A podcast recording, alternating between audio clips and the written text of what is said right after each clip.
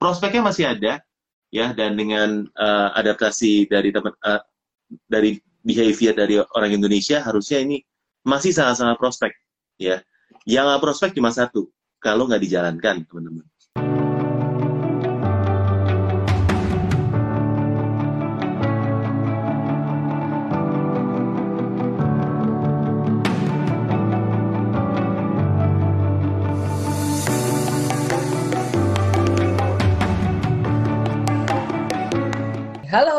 Semangat pagi Om. Halo. Apa kabar malam ini? Baik, baik, baik. Oke, sudah ya. Sehat, luar biasa dan pastinya sudah siap untuk share ke kita semua ya.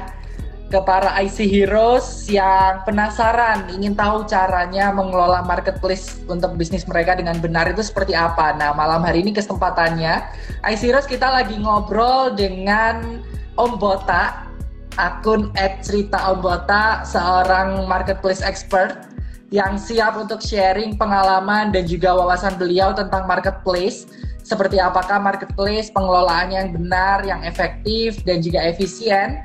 Kita selama satu jam ke depan kurang lebih akan ngobrol banyak dengan beliau. Oke, Om Botak, saya panggil Om ya. Siap. Saya panggil okay. siapa nih? Mas, siap, Mas Luki, Bro Luki. Ya. Luki. Boleh panggil Luki aja, salam kenal Om. Kita mau ngobrol-ngobrol sebelum lebih jauh tentang marketplace nih. Kita mau tahu dulu tentang Om Botak nih.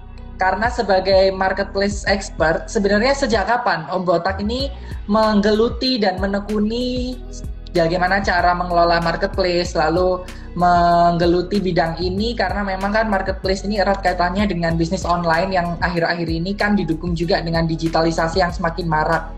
Nah, sejak kapan sebenarnya Om mulai mempelajari lalu menekuni dan saat itu apa motivasinya kok terjun ke bidang marketplace? Oke, perkenalkan uh, eh, IC Heroes ya panggilannya, IC Heroes. Betul. Heroes atau Rose? Heroes ya. Heroes, benar. Right, right.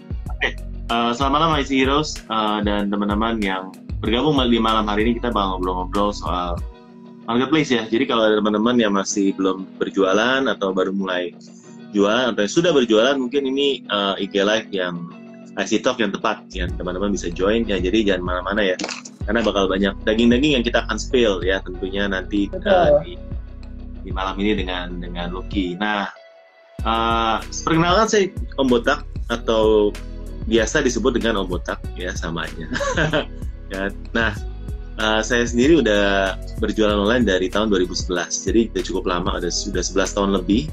Dan saya membagikan tips dan trik untuk teman-teman yang uh, baru mulai mengenal atau yang sudah mulai berjualan online gimana cara skill up-nya di akun saya di cerita Om Botak. Jadi yang belum follow boleh dong follow. Nah ya.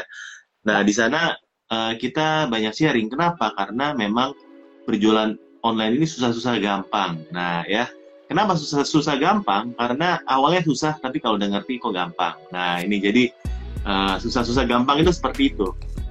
Uh, bahkan ya, sa saking gampangnya ya, saya uh, saya sendiri punya papa mertua yang mungkin udah cukup sepuh ya, udah hampir 80. Nah, beliau ini bisa berjualan online barangnya sendiri hanya dengan menggunakan aplikasi. Jadi teman-teman yang tentunya di sini kebanyakan mungkin masih muda ya pastinya tuh bisa. Ya. nggak ya. ada yang nyerah untuk belajar karena berjualan online itu yang susah cuma mulainya.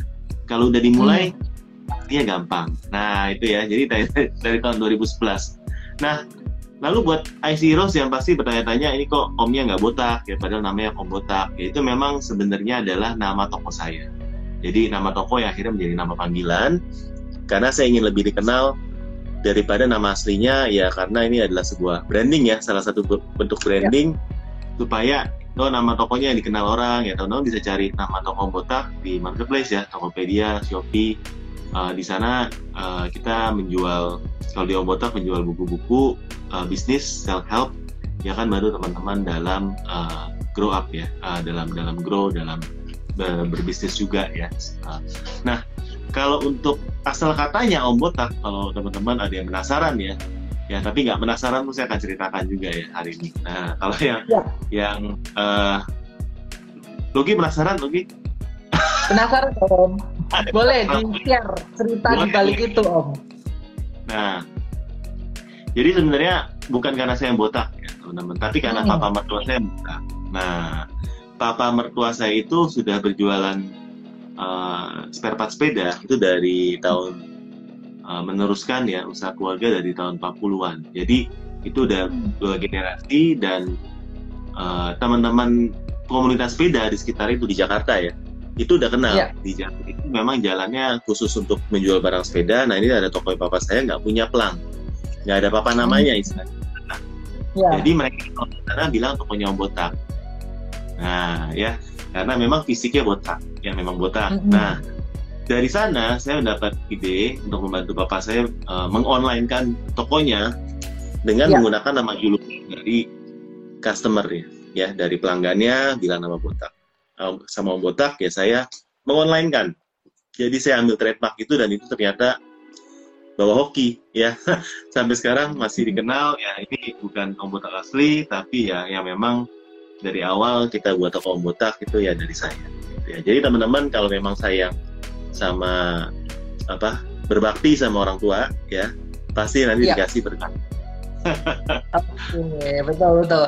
Menarik ya, Om Botak berarti sudah sekitar 11 tahun terjun ke marketplace, sudah banyak pengalamannya, strateginya sudah banyak belajar di situ ya untuk marketplace-nya dan diawali dari tadi memang karena awalnya di offline ingin jangkauan yang lebih luas akhirnya terjunlah ke online lewat marketplace.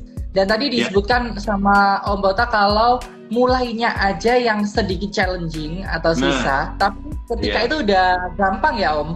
ya kalau udah udah ada bau-bau cuan biasanya cepat gitu Ya.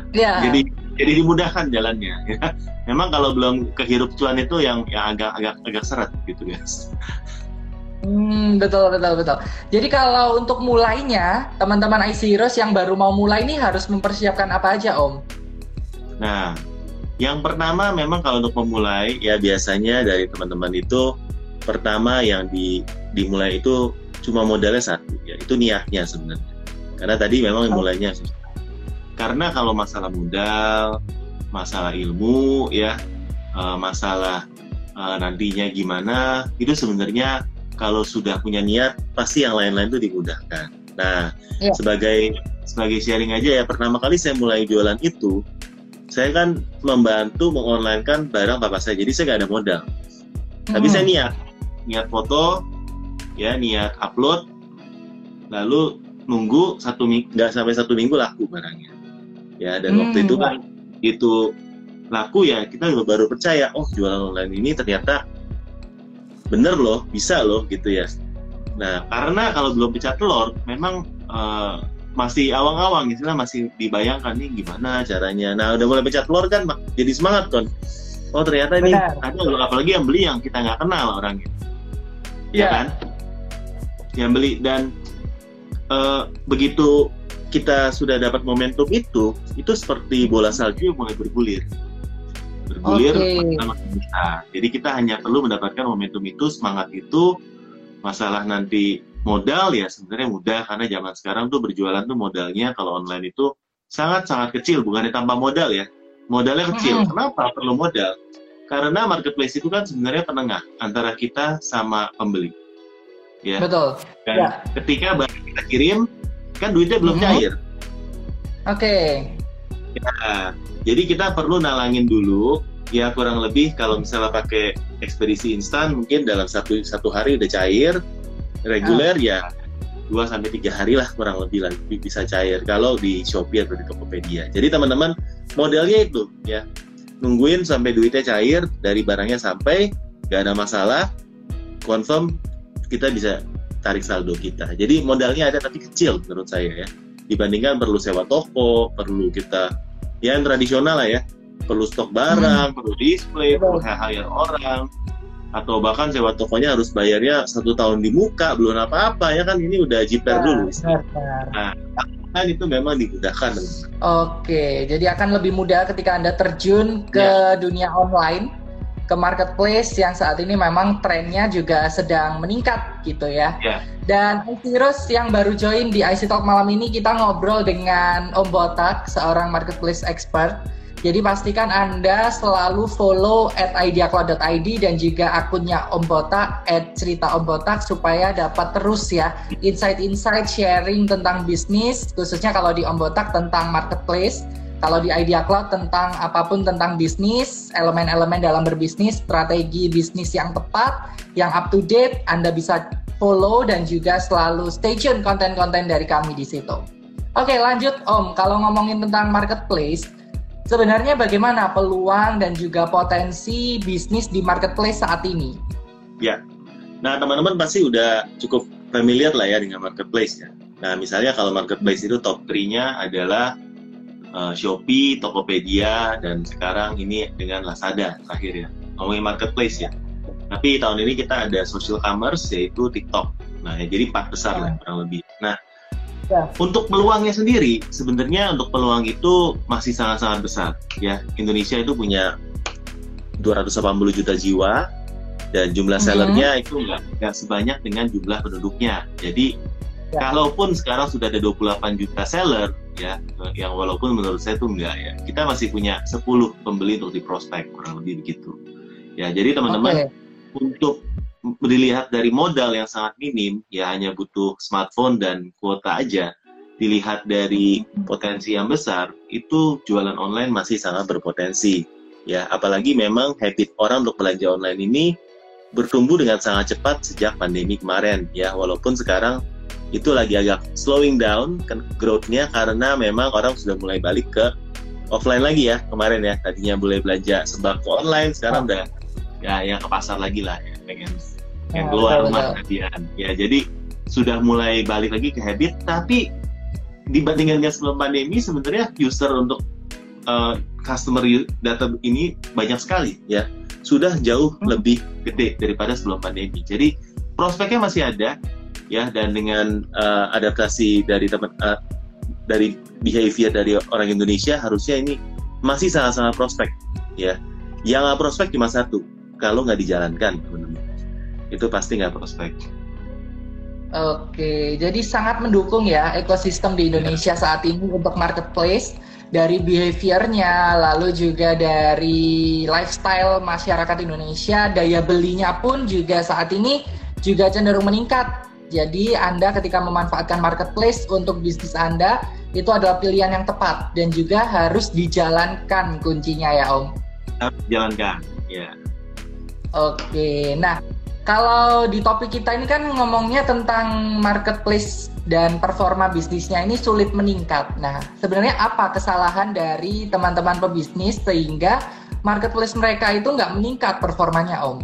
Oke, baik. Nah, uh, perlu kita ketahui bersama-sama ya, yang kalau saya ajarkan di kelas saya itu biasanya itu kita mengenal dari tiga fondasi dari marketplace, yaitu produk, konversi, dan traffic. Ya, nah biasanya yang paling harus dikuasain dari teman-teman itu, apalagi sebagai pemula adalah produk. Ya, jangan sampai kita salah pilih produk sebenarnya. Nah, produk yang tepat itu seperti apa? Produk tepat yang tepat itu adalah kita menjual produk yang memang dibutuhkan orang mm-hmm. dan dengan harga yang sesuai. Nah, harga yang sesuai itu apa ya?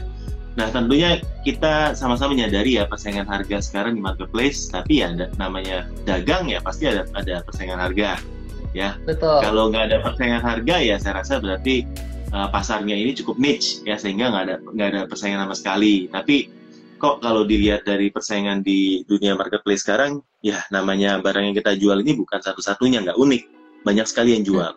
Ini persaingan harga pasti ada. Nah, teman-teman, di sini uh, IC Heroes boleh menjual produk apa pun, ya.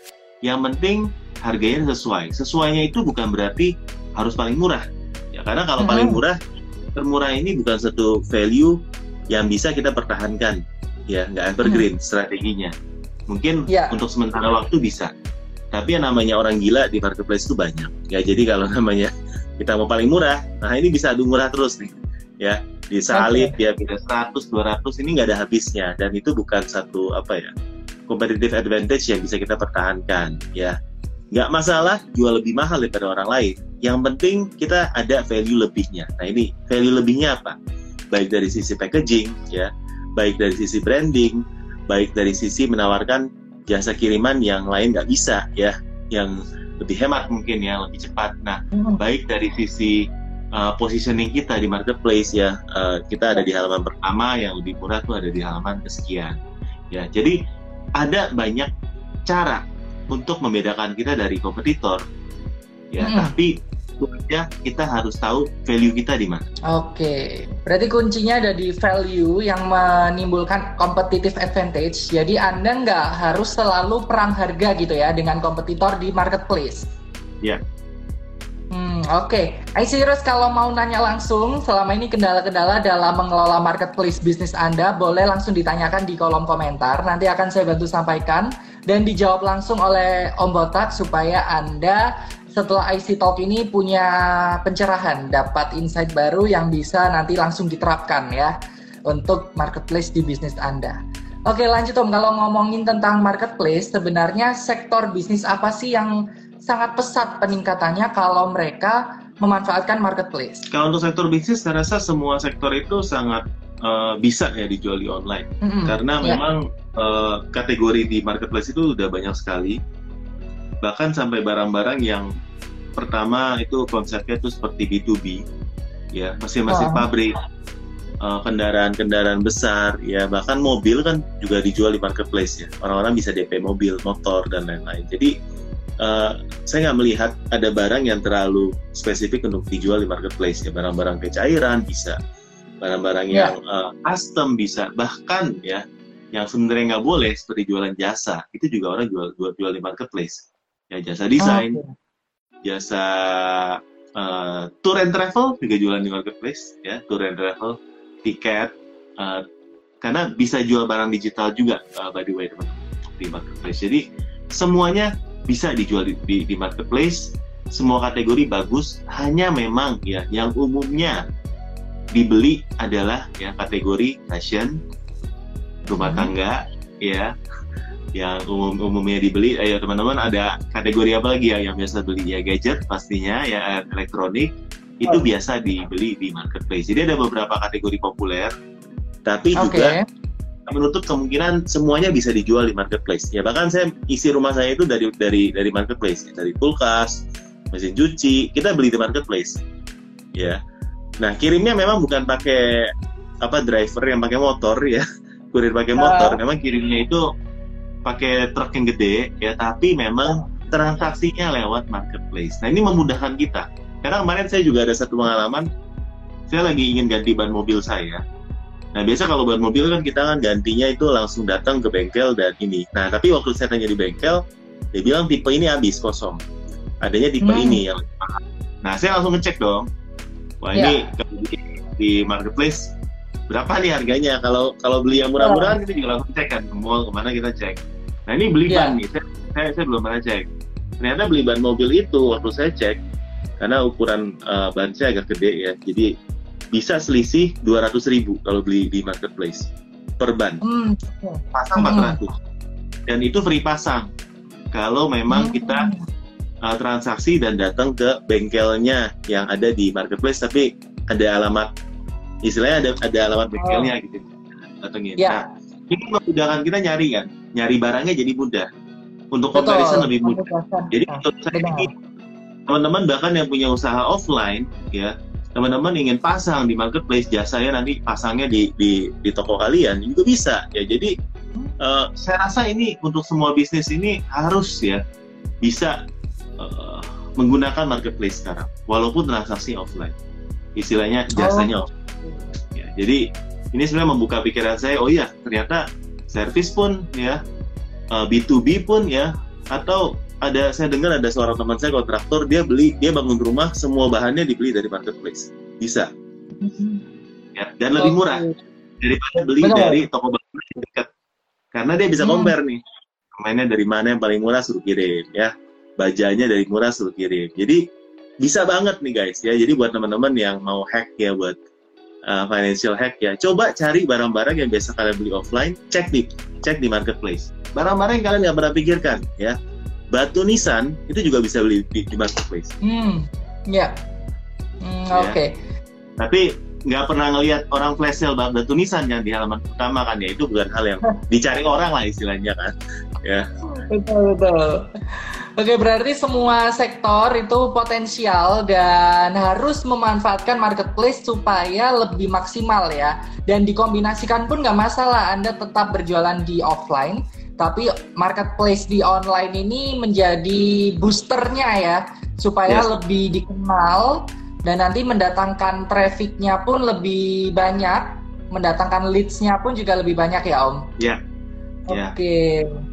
Nah, balik lagi tadi sempat disinggung di awal perbincangan IC Talk kita, kalau untuk memulai para pebisnis merambah ke marketplace itu diawali dengan niat terlebih dahulu.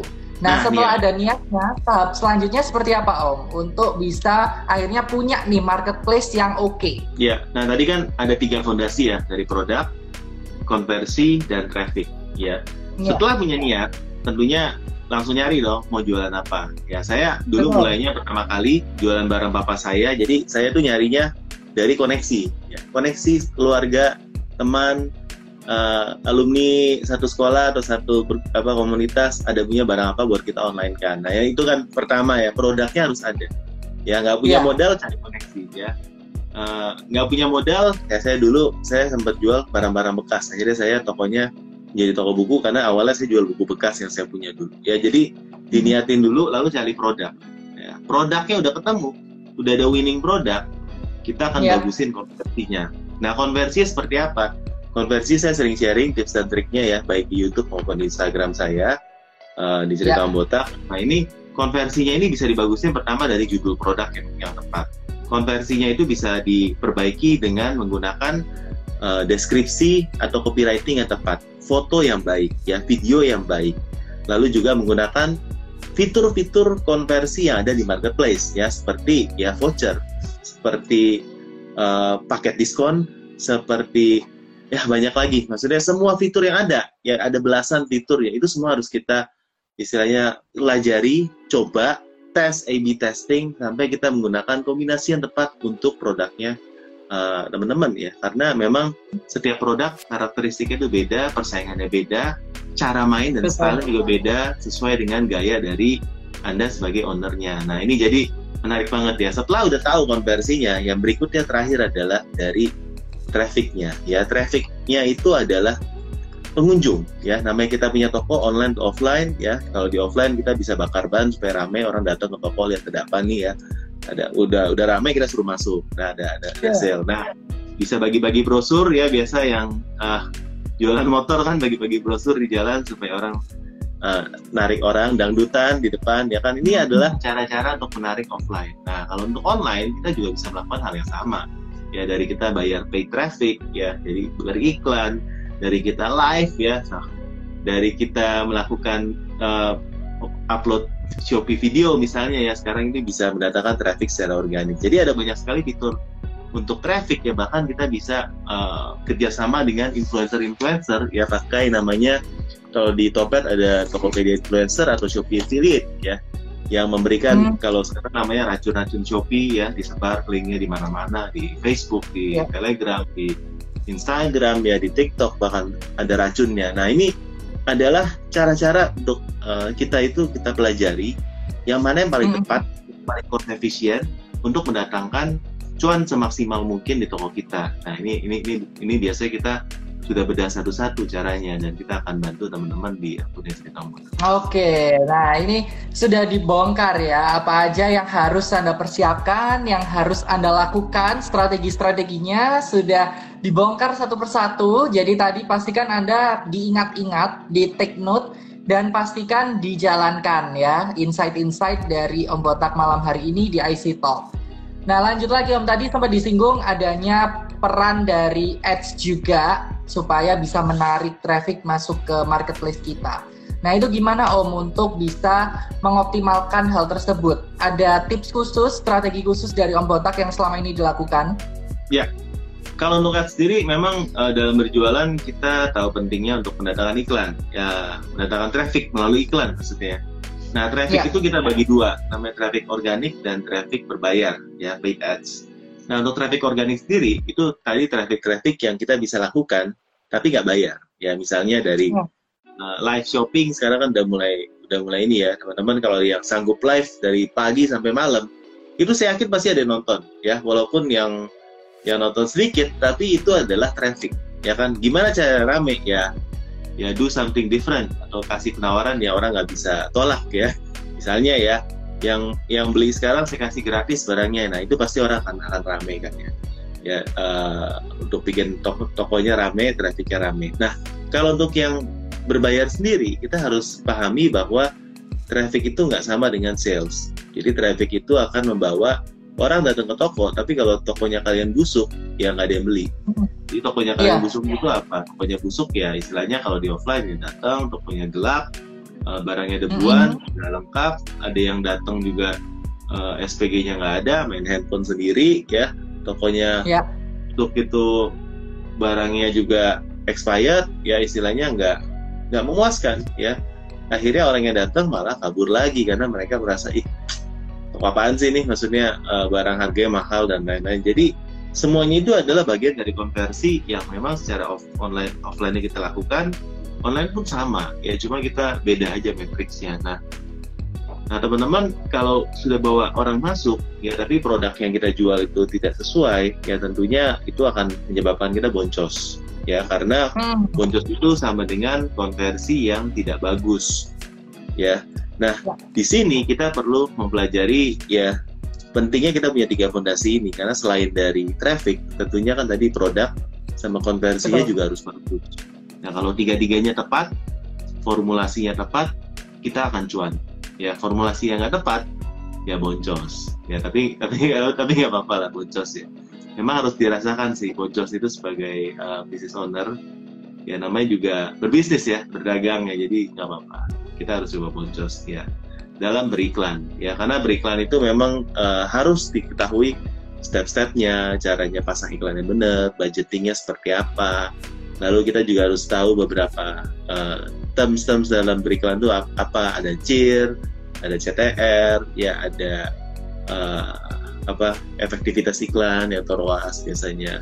Kita di sana juga tahu namanya uh, cheer langsung cheer tidak langsung. Dia ada matriks-matriks ya memang kedengarannya kompleks kalau yang belum pernah iklan tapi kalau sudah harusnya cukup mudah ya. Karena beriklan di marketplace ini lebih mudah daripada beriklan di Facebook ya kalau Facebook kan hmm. kan banyak uh, apa targeting audience ya uh, dan lain-lainnya harus punya uh, istilah key visual yang bagus supaya orang tertarik ya. dan dan lain-lain pixel ya segala macam. Ya. Nah itu nggak sekompleks itu, tapi memang cara pandangnya itu berbeda, ya. Dan sudah dari pengalaman saya, dari pengalaman teman-teman dia dalam komunitas mutakers itu jauh lebih hemat dibandingkan dengan mereka di Facebook. Kenapa? Ya, karena kalau Facebook itu kita banyak menyentuh dari cold market ya, pasar yang nggak siap beli. Mm, ya. Yeah.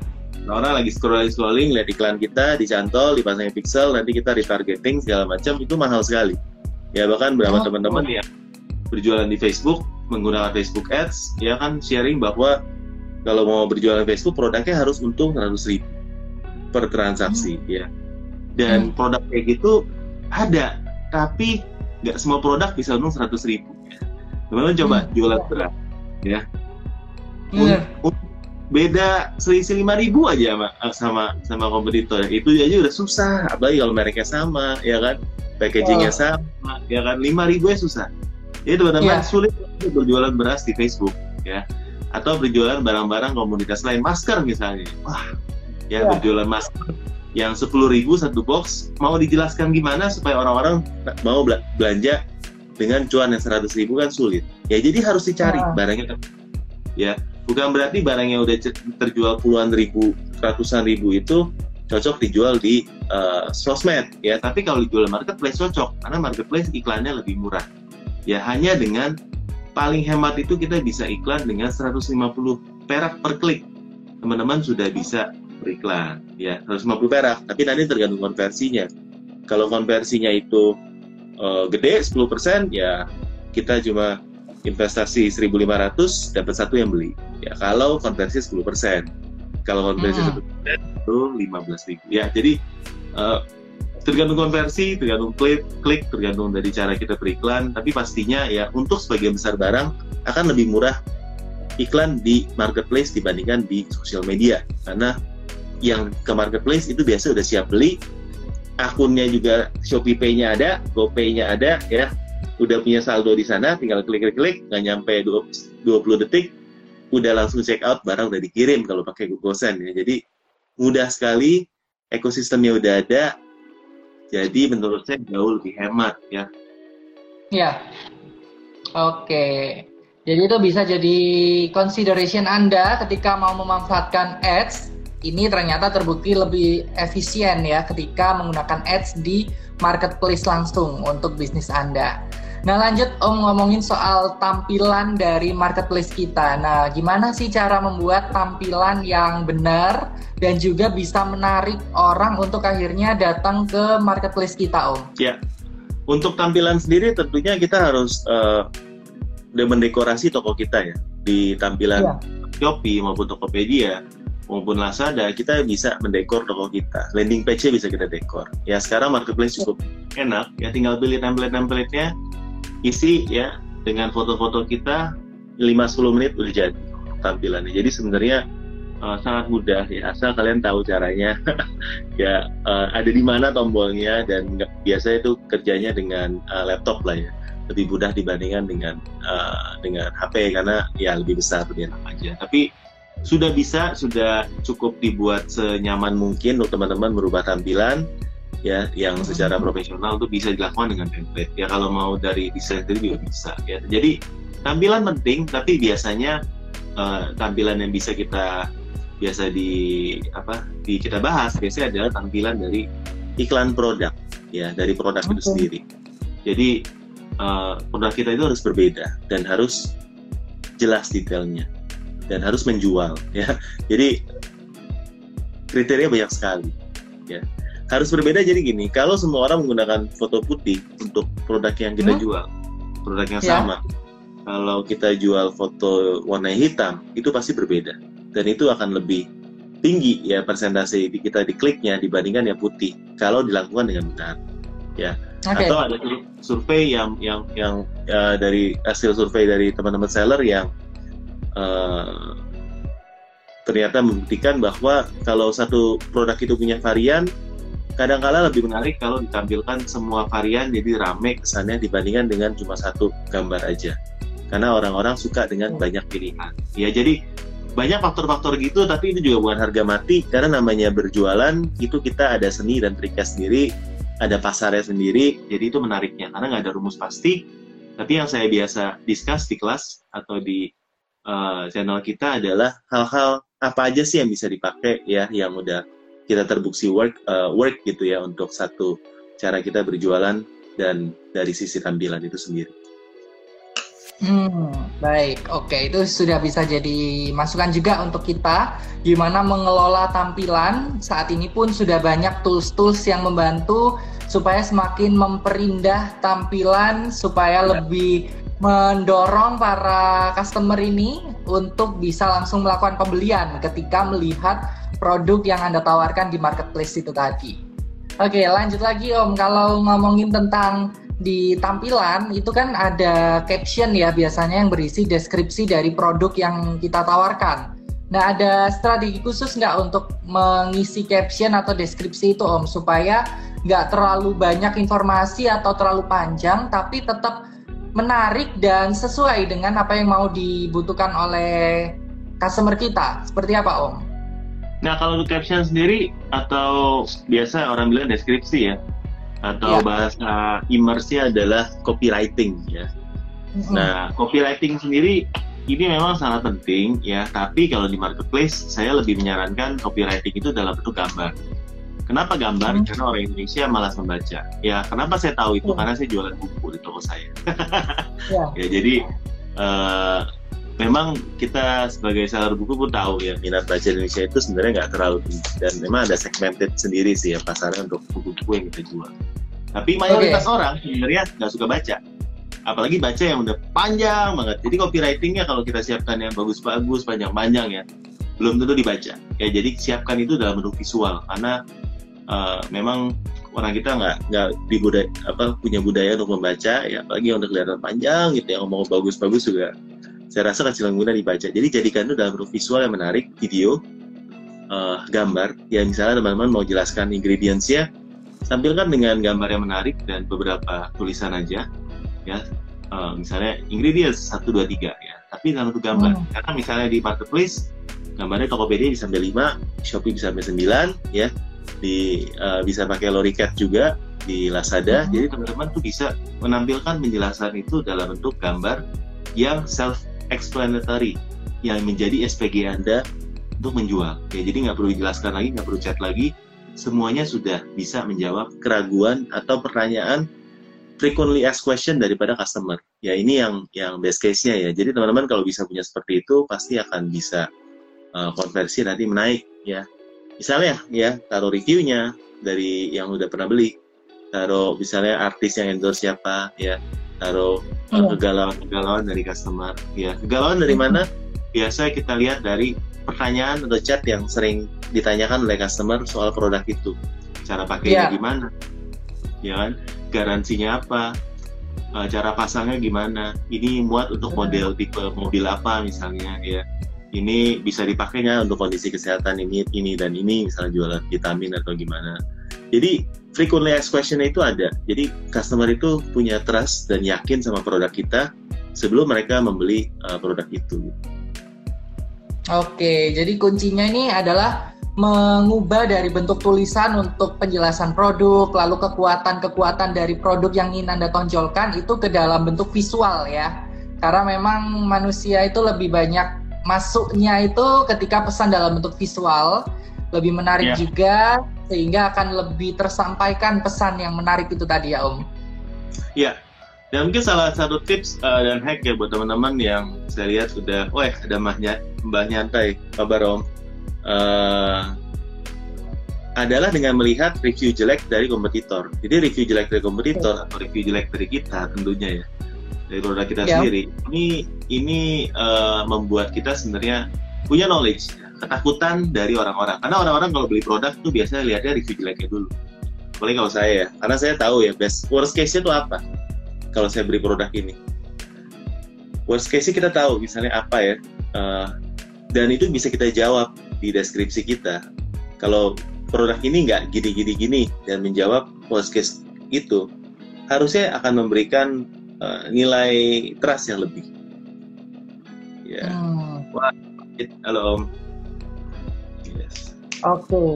Itu satu tips lagi ya untuk Anda dari Om Botak malam hari ini supaya bisa memperkaya juga tips-tips yang selama ini mungkin Anda jalankan tapi belum nemu nih tipsnya. Nah, ini salah satu tips yang bisa Anda jalankan juga.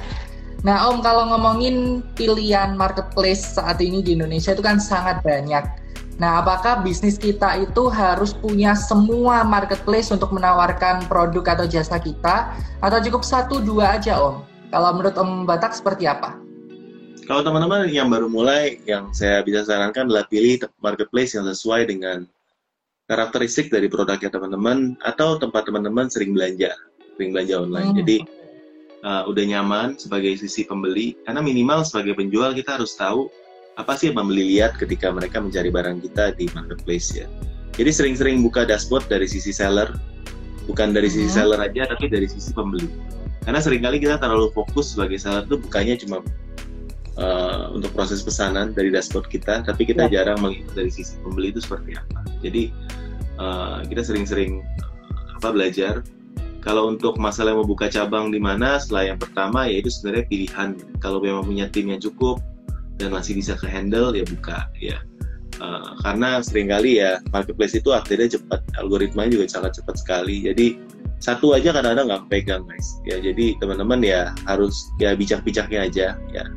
Karena sering kali kalau udah nyaman di satu bahkan buka cabangnya di tempat yang sama sampai 10 toko yaitu yaitu strategi aja lah. Ada strateginya ya. strateginya banjiri pasar atau memang hanya ingin fokus untuk ke branding itu itu pilihan sih Hmm, oke okay. kembali ke Anda, kapasitas bisnis Anda seperti apa? Kalau memang mumpuni untuk punya di semua marketplace, silahkan karena memang nanti akan menjangkau yang lebih luas juga gitu ya. Oke, nah ketika kita sudah melakukan semua strategi tadi, mengoptimalkan semua fitur-fitur juga di marketplace kita, Om, gimana indikator keberhasilan kalau marketplace kita itu dikatakan oke okay nih dan potensial untuk terus scale up? Oke okay itu batasnya untuk setiap orang pasti beda-beda, tergantung goal, ya. Oke. Okay. Saya rasa kalau misalnya oke okay untuk seorang uh, ibu rumah tangga yang sebenarnya bukan nggak harus mencari penghasilan utama, oke okay itu adalah di mana dia bisa mengerjakan passion dia, di mana dia mm -hmm. bisa mm-hmm. berekspresi, ya, uh, aktualisasi diri sambil jaga anak dan uh, dan dia nggak bergantung dari dia penghasilan keluarganya. Saya rasa asalkan ada masukan tambahan itu sudah oke. Okay, ya. Buat seorang mahasiswa pun sama, yang penting uh, dapat uang jajan itu sudah oke, okay, di mana dia bisa sambil kuliah, ya. Tapi buat hmm. seorang yang udah full time, oke-nya itu adalah di mana dia bisa uh, punya laba yang cukup untuk diputar untuk bayar gaji karyawan dan dia bisa grow bisnisnya. Jadi saya rasa untuk oke okay dan scale up itu untuk setiap orang beda-beda. Yang penting teman-teman tahu ya goal apa yang mau dicapai dan gimana cara scale up-nya. Saya rasa itu itu yang yang jadi poin utamanya. Oke. Okay. Nah, kalau untuk mengevaluasi, Om, seperti apa strategi supaya kita selalu melakukan perbaikan? Apa saja yang kita soroti untuk bahan perbaikan kita di marketplace, Om? Untuk perbaikan tentunya uh, banyak sekali ya untuk perbaikan ya. Uh, hal-hal simpel seperti bagaimana kita melayani orang, melayani hmm. Hal-hal simpel seperti optimasi dari produk kita, dari judul, dari foto dan lain-lain itu selalu aktif. Karena gaya kita foto dua tahun lalu atau tahun lalu sama tahun ini itu berbeda ya kalau dua tahun lalu mungkin bilang backgroundnya putih terus dikasih bingkainya ya style fontnya kayak gini tahun ini yeah. dengan uh, model sekarang mungkin harus lebih hitam. Ya mungkin harus ada shadow atau gimana. Jadi uh, taste orang berubah. Ya dan gaya kita berubah. Jadi okay. akan selalu harus ada perubahan secara kaizen, perubahan secara perlahan-perlahan menuju kesempurnaan uh, dalam bisnis. Dan itu yang saya rasa yang tidak dapat dielak, dielakkan karena memang kita hidup di masyarakat yang dinamis gitu ya. Baik, oke harus selalu melakukan perubahan yang lebih baik lagi supaya evaluasi-evaluasi ini terus dilakukan dan pelayanan atau servis itu juga harus jadi hal untuk disoroti karena memang salah satu tujuan dalam bisnis itu kan mencetak banyak loyal customers om. Nah kalau untuk di marketplace sendiri gimana strategi untuk bisa mempertahankan bahkan meningkatkan loyal customer itu sendiri om? Nah di dalam dashboard itu kita bisa melihat pembeli yang baru dan pembeli yang sudah pernah beli di toko kita. Mm-hmm. Jadi kita bisa yeah. melihat repeat customer itu berapa sebenarnya tergantung dari kategori ya. Ada barang-barang yang memang repeat customer-nya itu tahunan. Jadi kita nggak mengharapkan mereka beli lagi dalam waktu dekat. Ya hmm, seperti yeah. kalau berjualan uh, baju muslim misalnya yang dibeli pada waktu lebaran ya tentunya tunggu tahun depan panennya. Ya berjualan yeah. pernah naik Natal ya tunggu tahun setahun sekali baru baru orang beli lagi kan ya. Jadi benar, ada barang-barang seasonal, ada barang-barang yang orang beli secara uh, tiap bulan ya. Misalnya beli skincare kalau udah habis kan beli lagi. Ya beli shampoo kalau udah habis beli lagi. Nah jadi ini kita harus kita pisahkan dulu. Jadi jangan ngiri sama tingkat repurchase dari kategori sebelah karena setiap orang setiap kategori setiap barang itu punya uh, habit yang berbeda-beda nah ini yang perlu kita lihat dan perlu kita monitor jangan sampai produk kita itu punya tingkat repurchase lebih rendah daripada rata-rata industri. Hmm, Oke, itu yang harus jadi patokan kita ya. Jangan membandingkan dengan yang nggak apple to apple, tapi yang sejenis industri yang sejenis dengan kita bisa dijadikan acuan untuk bisa setting keberhasilan kita atau apa yang harus kita lakukan perbaikan itu tadi. Nah, Om Botak, gimana kalau menurut pendapat Om Botak kondisi marketplace di Indonesia ya untuk lima tahun mendatang deh? khususnya bicara soal peluang dan juga tantangannya Om. Ya, uh, saya akan melihat dari marketplace luar ya. Indonesia ini kan uh, secara tren akan mengikuti dari negara maju. Ya. Ya.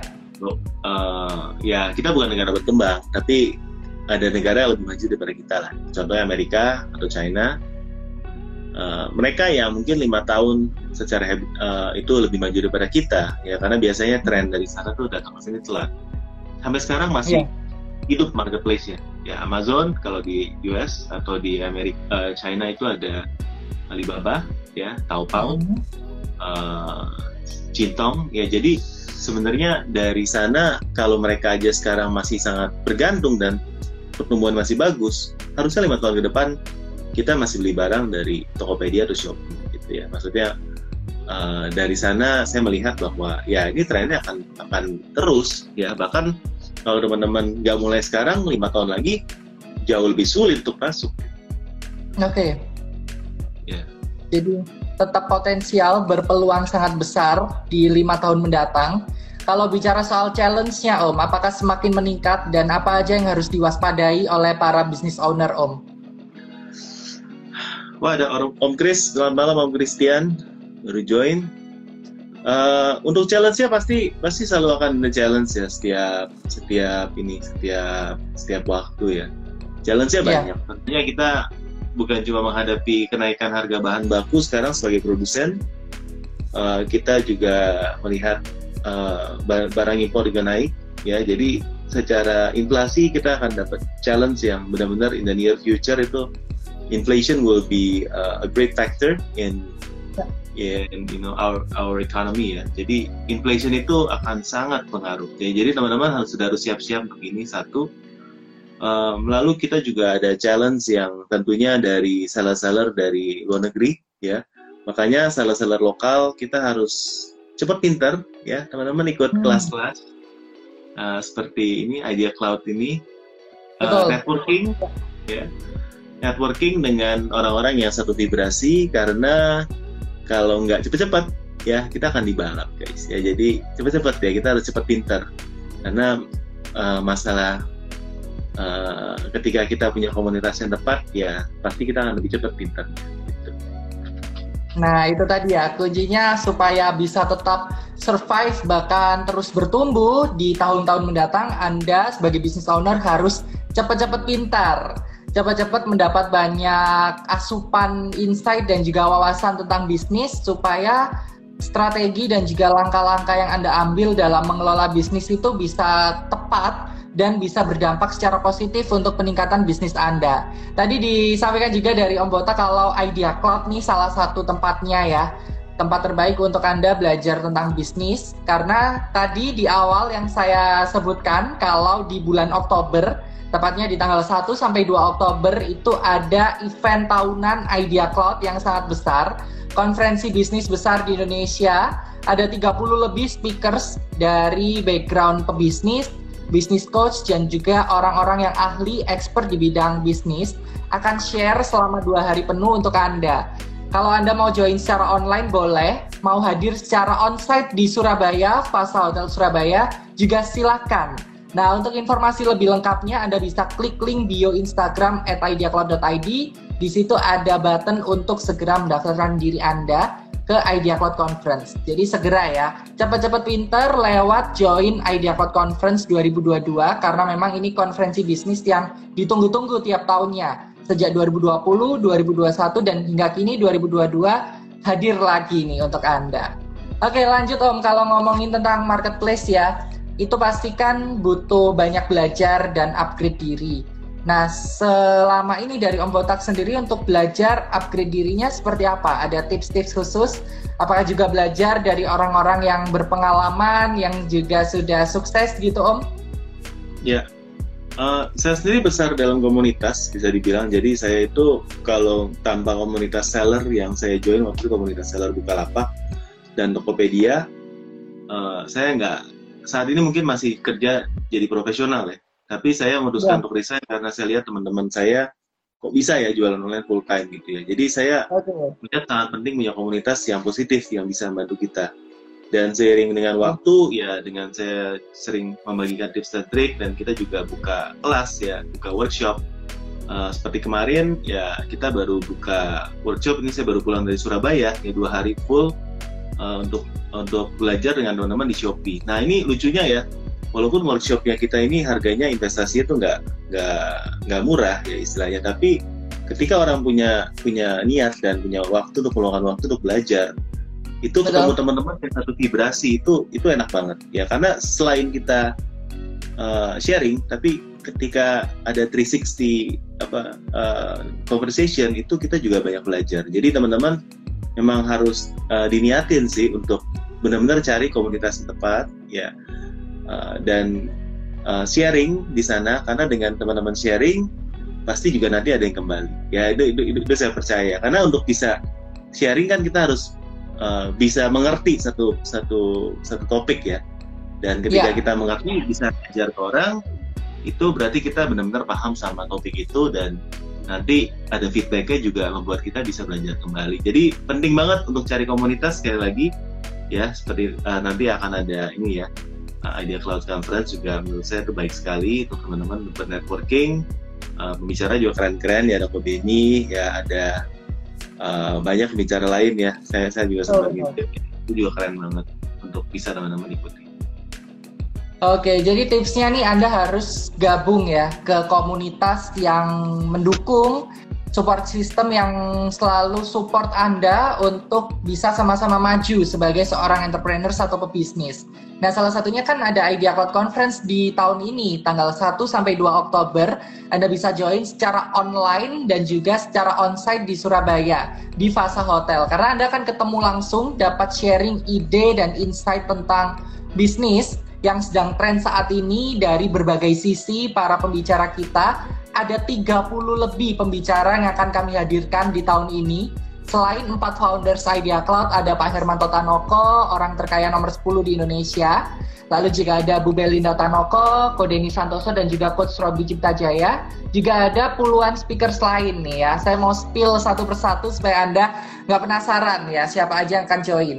Ada juga Pak Lokeng Hong yang nanti akan sharing dengan kita semua. Lalu ada Bu Kris Tahir, ada Pak Subiakto, kemudian ada Rudi Salim, Dewa Eka, Raymond Chin, Julio Ekspor, kemudian juga ada Jehian Sijabat, lalu ada juga Nilam Sari, ada Gufron Syarif, ada Pak Sudamek, kemudian ada Dr. Oki Pratama, dan masih banyak lagi 30 lebih speakers yang siap untuk sharing ke Anda. Insight mereka, ide mereka, cerita sukses, dan juga strategi yang selama ini mereka terapkan dan sudah terbukti mampu untuk men-scale up bisnis mereka, sudah terbukti untuk bisa membuat ide-ide bisnis baru yang bisa Anda terapkan juga sepulang dari IC Conference di tanggal 1 sampai 2 Oktober 2022 hanya dengan 280 ribu aja untuk yang online, Anda bisa dapatkan dua hari akses conference di IC Conference tahun ini. Jadi luar biasa banget untuk manfaat yang semenarik ini. Hanya dengan nominal segitu, Anda layak untuk join di IC Conference 2022. Langsung klik link bio yang ada di Instagram ideacloud.id di situ supaya nanti tim kami bisa bantu Anda mengamankan kursi Anda karena ini penawaran yang sangat terbatas. Jadi jangan ketinggalan, jangan kelewatan, manfaatkan kesempatan malam hari ini sebaik mungkin. Jadi setelah kita nanti selesai ngobrol di IC Talk malam ini, Anda langsung daftar, klik link bio Instagram at ideacloud.id untuk daftar ke IC Conference 2022. Nah, Om Botak, sebelum kita berpisah di IC Talk malam ini, boleh di-sharekan Om untuk closing statement sekaligus motivasi buat teman-teman IC Heroes para pebisnis supaya bisa lebih meningkatkan performa marketplace-nya untuk bisnis masing-masing. Ya, jadi saya ingin ingin sharing mengenai satu benda kecil yang bisa menggerakkan sesuatu yang besar. Ya, kalau anda ingat ya ada suatu hal yang kecil tapi bisa menggerakkan satu hal yang besar. Anda tahu Ya. kunci? Ya, kunci itu kan Ya. kecil. Kunci ini ketika digunakan dengan benar, ya itu bisa membuka pintu. Ya, buka pintu yang jauh lebih besar. Nah, teman-teman di sini kita hanya perlu melakukan hal yang kecil, ya perubahan-perubahan kecil belajar untuk kecil tapi dipraktekkan. Ketika kita melakukan perubahan kecil ini, ini sebenarnya bisa uh, membuat perubahan yang sangat besar di dalam hidup Anda. Ya, jadi teman-teman di sini tetap semangat ya, lakukan perubahan kecil yang nanti impact-nya akan sangat luar biasa dalam hidup Anda. Selamat malam dan saya cerita Om Botak undur diri. Jadi Wah, top. luar biasa. Terima kasih banyak untuk insight-nya ya. Lakukan hal-hal kecil. Salah satu hal kecilnya adalah dengan daftar ke IC Conference 2022. Itu akan bisa membuka banyak peluang luar biasa yang lebih besar lagi dengan daftar ke IC Conference. Langkah simple aja tapi bisa berdampak maksimal untuk diri Anda dan juga untuk bisnis Anda. Dan IC Conference 2022 ini dipersembahkan oleh Tancorp Tribelio, dan Global Leadership Center, serta didukung oleh PT Sukor, Sukor Sekuritas, PT Indochemical Citra Kimia, PT Pertamina, PT BASF, dan masih banyak lagi pendukung dari IC Conference 2022 yang masih banyak sekali dan Anda nih giliran Anda untuk segera join dan merasakan bagaimana hype-nya di tahun ini untuk Anda yang sudah pernah join di tahun 2020 dan 2021, Anda harus join lagi di 2022 karena banyak sekali perbedaan dan juga pasti lebih improve dan lebih menghadirkan insight yang beragam serta menarik untuk Anda di tahun ini. Oke, terima kasih banyak untuk Om Botak malam hari ini sudah share dengan kita semua semakin tercerahkan dan mendorong kita supaya lebih mengoptimalkan marketplace kita masing-masing ya. Untuk Anda Isiros, kita pamit. Terima kasih untuk kebersamaannya. Dan sukses selalu untuk Om, Bata, Om Botak. Terima kasih. Sehat selalu ya Om. Dan untuk Anda semua Isiros, terima kasih. Kami berdua pamit. Selamat malam. Selamat malam. Thank you, Lucky. Kabar gembira Botakers, kita akan mengadakan giveaway. Giveaway-nya adalah 2 jam free bedah toko untuk Botakers dan nanti setelah kita menyentuh 30.000 kita akan ada live untuk giveaway-nya. Intinya satu botakers yang beruntung nanti akan dapat free mentoring dari Om Botak one on one selama 2 jam. Thank you.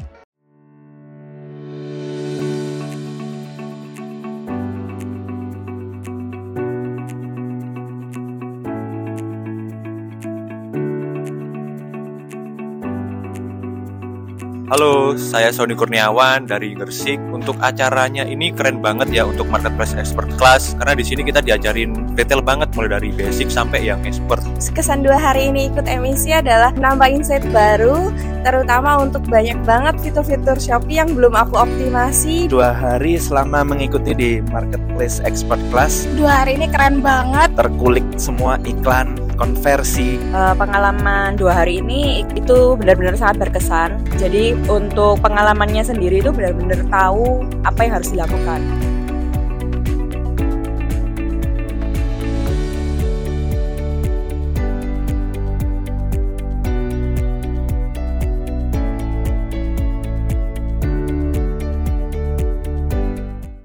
Hai Botakers, channel Cerita Om Botak membuka membership untuk Botakers yang ingin bergabung dan kita ada tiga level ya. Ada level basic, ada level intermediate, dan level advance. Nah, yang level basic ini ya botakers bisa mengakses ya video yang akan dimunculkan di channel terlebih dahulu.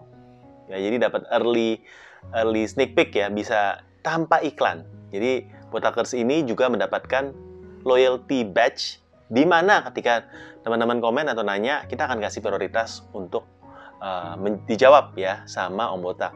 Nah, tapi ya basic ini belum dapat 7 saat ini kita sudah ada 77 video ya atau total durasinya 12 jam video-video daging ya dari belajar Shopee basic sampai advance ya sampai daging-dagingnya yang biasanya Om Botak ini bagikan pada waktu kelas-kelas offline ya jadi teman-teman yang pengen belajar lebih lagi, ya, ayo join Botakers intermediate. Karena video-video dagingnya itu ada di sana, bukan di basic. Ya, nah jadi ini kelebihannya dibandingkan basic ini intermediate dapat semua akses full video, ya dari materi ads, ya dari materi manajemen toko nantinya ya, atau dari materi gimana caranya uh, bikin brand di atau official shop di marketplace. Ya, jadi teman-teman, kita akan update materinya. Saat ini saja sudah ada 77 video dan 12 jam. Ya, durasi untuk nontonnya dan teman-teman di sini uh, interaksinya juga luar biasa ya, teman-teman yang aktif ya, nanya dan kita akan balesin. Oke. Tapi kalau teman-teman dari basic dan intermediate itu belum cukup puas ya, masih ada satu level lagi yaitu level advance. Di sini kita akan uh, kasih ya 30 menit mentoring dari Om Botak per bulannya selama kalian berlangganan atau menjadi membership dan akan mendapatkan ya diskon apabila teman-teman Botaker Advance ini ingin ikut kelas atau training offline kita. Ditunggu ya teman-teman untuk jadi Botakers ya ambil yang intermediate kan menurut saya itu good deal banget. Dengan harga itu dan dengan video dan semua materi yang teman-teman dapatkan itu good deal banget ya. Materinya karena runut ya. Jadi nggak comot sana sini tapi runut ya. Sudah kita bagi secara kurikulum ya part satunya apa part duanya apa dan sebagainya. Sampai jumpa di kelas